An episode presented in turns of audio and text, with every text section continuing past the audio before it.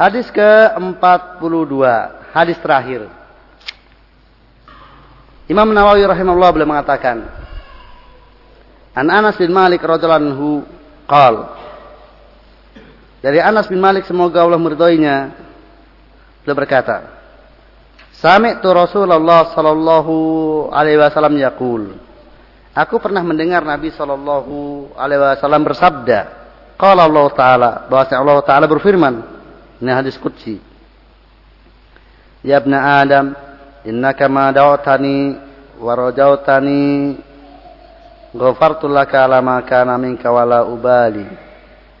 Wahai anak Adam,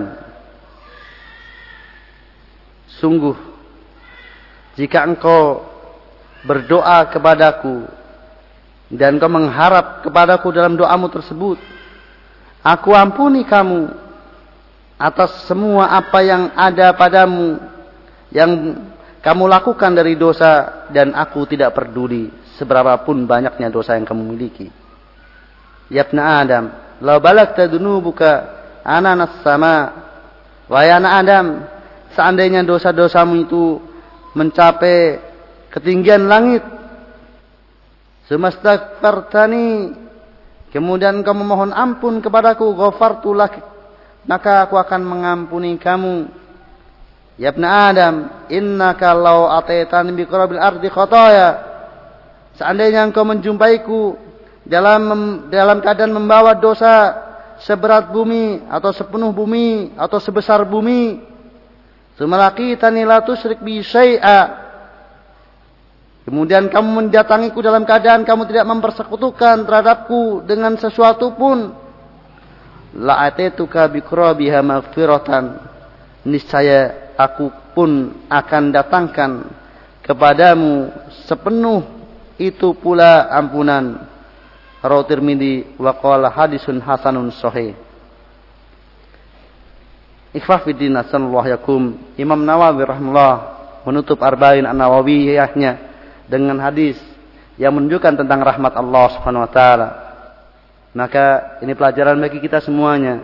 Apa pun yang kita miliki, kesalahan apa pun yang kita miliki, kejahilian apa pun yang kita miliki, pintu tobat belum tertutup. Karena kita masih diberi umur. Matahari belum terbit dari barat. Maka ingat akan keluasan rahmat Allah Ta'ala tersebut. Maka dengan demikian kita akan mendapatkan Ampunan Allah SWT kalau kita mengharapkan rahmat Allah tersebut dengan memohon ampun kepadanya dan mengambil asbab untuk datangnya pengampunan tersebut. Allah katakan dalam hadis kutsi ini, Wahai anak Adam, jika kamu berdoa kepadaku dan mengharap kepadaku dalam doanya tersebut, doa di sini mencakup dua macam, doa masalah maupun doa ibadah. Doa masalah seperti memohon, memohon Allah magfirli itu dia ada yang disebut, ada yang minta di dalamnya. Adapun doa ibadah adalah dia beramal yang dengan amalan tersebut dia mengharapkan pahala, mengharapkan ampunan dan semua kebaikan akhirat dari si Allah atau kebaikan duniawi. Ini adalah doa ibadah. Salat doa ibadah, puasa doa ibadah, istighfar doa masalah mohon rezeki, doa masalah dan demikian seterusnya. Di sini Allah menjanjikan kalau seorang beribadah kepada Allah taala karena dia berharap kepada Allah, ingat, beribadah dalam keadaan berharap. Ini menunjukkan bahwasanya seseorang tidak boleh lalai tatkala beribadah. Dalam keadaan dia beribadah, baik ibadah, baik dalam keadaan dia berdoa, baik doa ibadah maupun doa masalah, disertai hadirnya hati, mengapa dia melakukan doa tersebut? Mengapa dia melakukan ibadah tersebut? Mengapa dia meminta kepada Allah tersebut? Hadirnya hati, jangan sekedar di lesannya, jangan sekedar di jawarihnya, tapi hadirnya hati berupa harapan kepada Allah Subhanahu wa taala, harapan ampunan, harapan rahmatnya. Maka Allah akan mengampuninya. Walaupun bagaimanapun kondisi kita dan Allah tidak peduli. Walau ubali di sini, ingat inilah sifat salbiyah. Adamul mubala. Tidak adanya kepedulian dari Allah Subhanahu wa taala terhadap apa pun yang ada pada hamba tersebut dari kekeliruan, kesalahan selama hamba tersebut senantiasa beribadah kepadanya dan berharap kepadanya ini menunjukkan akan luasnya rahmat Allah Subhanahu wa taala. Ingat, sifat salbiyah harus dipahami di dalamnya ada sifat subutiyah. Jadi menunjukkan tentang kesempurnaan kekuasaan Allah Subhanahu wa taala sehingga tidak ada seorang makhluk pun yang bisa mempengaruhi Allah Subhanahu. Allah tidak berbuat karena khawatir atau takut terhadap makhluknya. Karena kesempurnaan kekuasaannya dan juga menunjukkan kesempurnaan fadl dan ihsan Allah Subhanahu wa taala. Tak seorang pun akan ada yang memprotes Allah Subhanahu wa taala, mengapa Allah membiarkan hambanya yang demikian memiliki dosa yang amat sangat banyak hanya gara-gara kemudian dia beribadah hanya kepadanya dan berharap hanya kepadanya. Kemudian Allah menjelaskan bahwasannya Seberapapun dosa yang dimiliki oleh Ibnu Adam, walau sampai sundul langit, kemudian dia memohon ampun kepada Allah, maka Allah akan mengampuninya. Dan ingat, mohon ampun dengan mengucapkan astagfirullah. Allahumma gfirli dan dia mengambil asbab datangnya pengampunan dosa tersebut yaitu rujuk bertobat kepada Allah kembali kepada Allah dengan amal soleh meninggalkan kemaksiatan kemaksiatan yang sudah sepenuh bumi tersebut dan berazam untuk tidak mengulanginya lagi. Bertekad untuk tidak mengulanginya lagi. Itu kalau tidak terkait dengan hukukul adamiin hak-hak Adam hak-hak Bani Adam. Kalau ada terkait dengan hak-hak Bani Adam maka dia kembalikan atau dia minta keikhlasannya. Itulah syarat-syarat taubat. Dan itu dilakukan oleh seorang yang bertauhid tanpa bertobat dari aslul iman dari pembatal iman maka tidak akan berguna tobatnya maka dia harus meninggalkan syirik dan harus hanya bertauhid kepada Allah kemudian dia bertobat dari dosa-dosanya seberapapun besar dosa yang dia miliki maka Allah mengampuninya bahkan seandainya pun seorang hamba tidak bertobat kepada Allah Subhanahu wa taala. Namun dia datang kepada Allah Subhanahu wa taala dalam keadaan tidak berbuat syirik sedikit pun kepada Allah Subhanahu wa taala. Dosanya sepenuh bumi atau seberat bumi atau sebesar bumi kemudian dia berjumpa dengan Allah dalam keadaan tidak mempersekutukan sedikit pun tidak hat, tidak ada dalam hatinya selain Allah Subhanahu wa taala Hanya Allah saja yang ada dalam hatinya. Dia tidak pernah rukun, tidak pernah tunduk kepada selainnya. Apa pun juga, tidak manusia, tidak malaikat, tidak jin, tidak harta, tidak dunia. Oleh karena itu orang yang rukun, yang tunduk kepada harta, dia dikatakan sebagai hamba harta. Ta'isa abdul dinar, Ta'isa Abdul Dirham, Ta'isa Abdul Khamisah, Ta'isa Abdul Khamilah. Yang menunjukkan bahwasanya orang yang terlalu cenderung kepada harta, dia pun dikatakan budak harta. Maka berarti ada syirik di dalam hatinya. Walaupun tampilannya dia tidak beribadah kepada Allah, tapi dia ada syirik di dalamnya. Demikian juga orang yang ria, orang yang sum'ah dan lain sebagainya.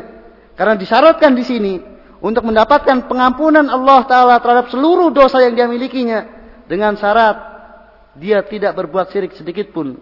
Sayan nakira fisyak nafi yufidul umum. Sedikit pun tidak ada syirik. Dan betapa beratnya untuk hidup bersih dari syirik.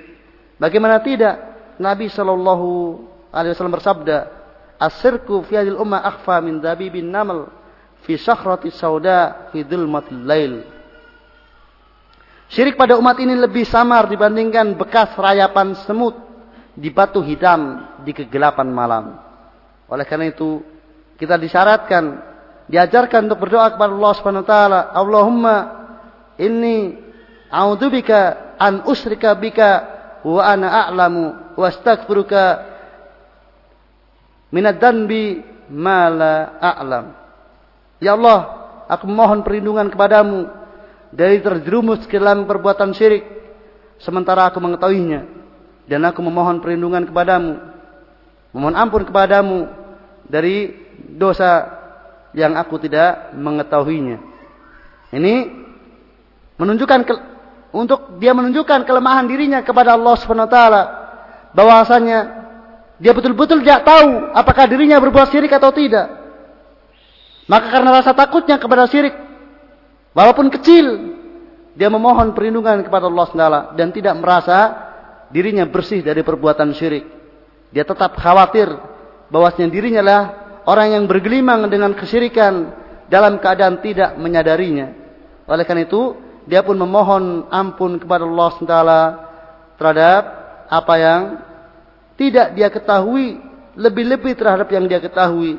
Karena seorang yang melakukan dosa dalam keadaan dia sadar, maka ini amat sangat berbahaya baginya. Dan kadang orang melakukan dosa, dia tidak sadar, tetapi itu karena kesalahannya. Karena tafridnya, sehingga dia berbuat dosa dalam keadaan dia mengira mendapatkan petunjuk. Maka ini pun lebih berbahaya lagi. Maka ikhafidin asanullah yakum. Hanya kepada Allah lah kita kembali. Dan hanya Allah lah sandaran kita. Sandaran hidup kita. Maka bertawakal kepada Allah lah dalam setiap urusan kita. Tak ada satupun aktivitas yang kita bisa lakukan.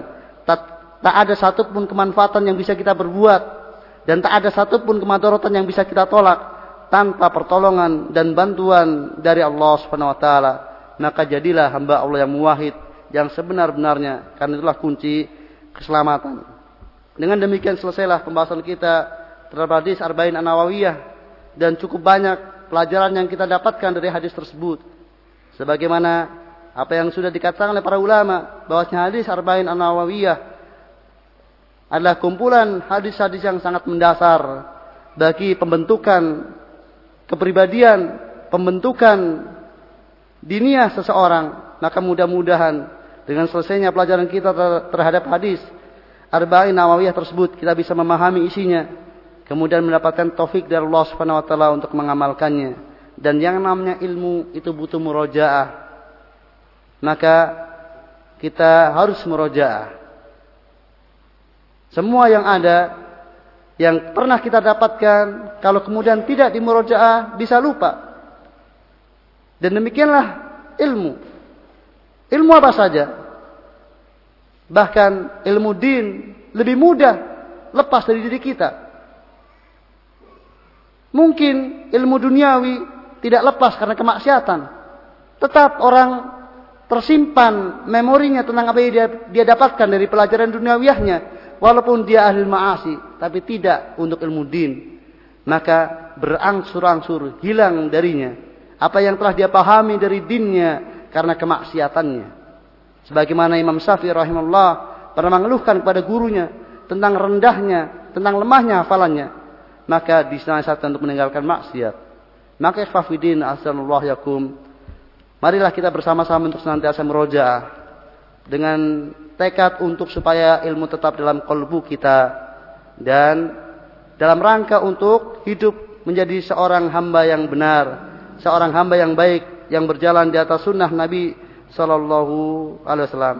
Mudah-mudahan apa yang saya sampaikan dari awal sampai akhir dari pelajaran Arba'in An-Nawawiyah ini ada manfaatnya bagi kita semuanya, khususnya bagi saya pribadi dan saya mohon maaf atas semua kekeliruan dan kesalahan dalam penyampaian hadis Arba'in Nawawiyah ini.